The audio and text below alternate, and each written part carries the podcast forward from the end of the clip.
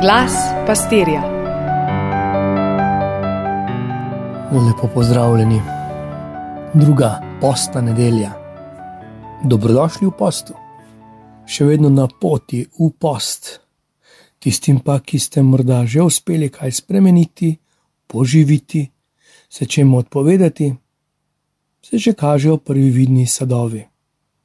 Recimo slaba volja, razdraženost, pa obžalovanje, zakaj sem se sploh odpovedal kavi, ali si zadal, da bom ubogal na prvo besedo.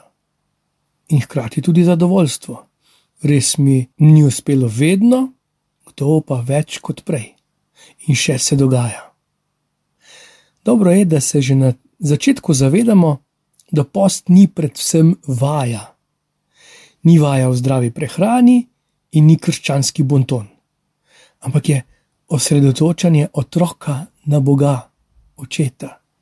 Če smo prejšnjo nedeljo poslušali Božjo besedo o tavajočem Abrahamu, ki je bil naravnan na očeta, pa mu še ni bilo jasno, kako in kaj, smo z Jezusom prišli vse tja do skušnjav puščavi. Res da lahko vse skupaj spade zelo igralsko. Še evangelist zapiše, da je po 40-dnevnem postu bil Jezus naposled lačen. In ko ga hudi duh skuša, ga on kratko malo že na prvo žogo zatre. Pa ne, da ne bi bilo tako. Prav gotovo je bilo, ampak ne pozabimo, da je v slehernem trenutku Jezus ostajal poln svetega duha in skozi tudi eno z očetom. Morda mu je bila skušnjava, kakšna druga skušnjava, težja, eh, recimo to, da bi se spustil v debato s hudim duhom in ga utišal, je bila morda večja skušnjava, kakor to, da bi iz kamnov naredil kruh.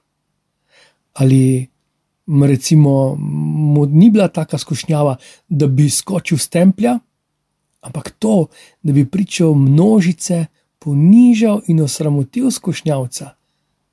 On pa iz skušnjave v skušnjavo gradi še tesnejši stik in povezano z očetom in Božja beseda se pospne. Prejšnjo nedeljo smo poslušali berilo stare zaveze, ki ga molijo bratje Judije vsako leto, ko obhajajo obred pashalne večerje.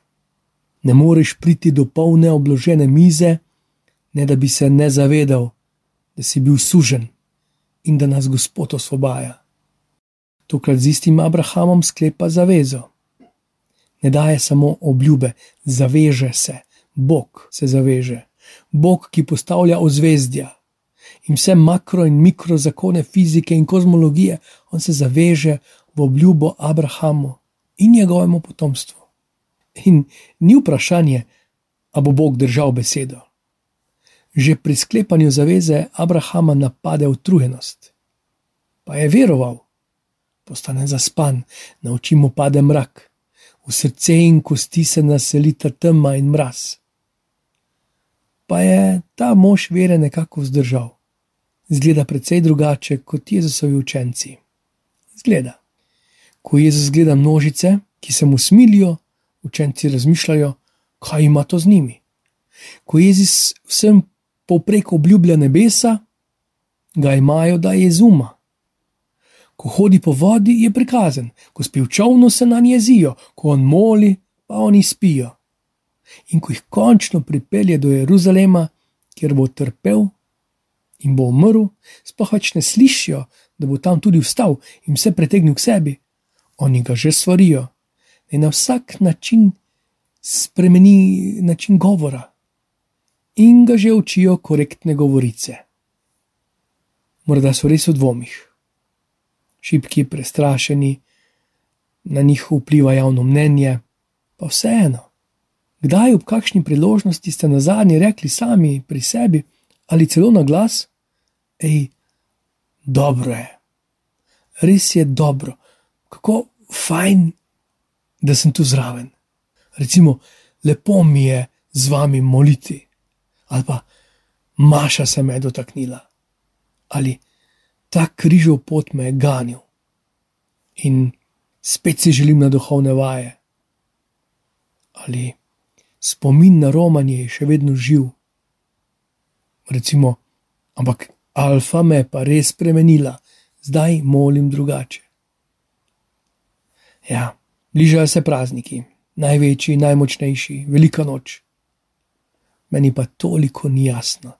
Ne samo, kako bomo letos obhajali sveto tridnevje, kje in kdaj zadnjo večerjo in še prej paschalno večerjo, kako bomo obhajali obrede velikega petka, ob kateri uri in kje bo blagoslov ognja, pa čez dan vrsta teh blagoslovov jedi, kot smo jim rekli, vigilija, ostajenske procesije.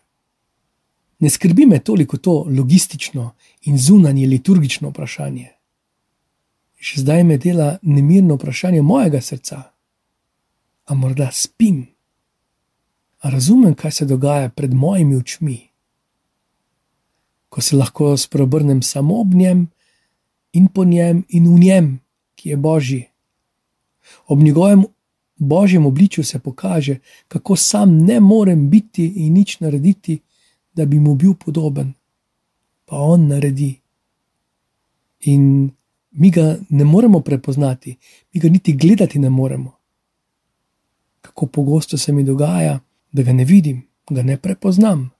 Torej, zelo blizu apostolom, ki so tako blizu, tam na vrhu gore spremenjenja, pa hkrati daleč. Ko se dramim od vseh mogočih in nemogočih obveznosti, ki so nujne in premnoge na videzno nujne. Ali slišim glas, ki je namenjen prav meni. Ta je moj ljubljen sin, njega poslušaj. Oče, njegov in moj nebeški oče mi pravi: Jezusa poslušaj. Marija, njegova in moja nebeška mati mi pravi: karkoli ti reče, naredi. Kaj od tega ne razumem? Vse dobro.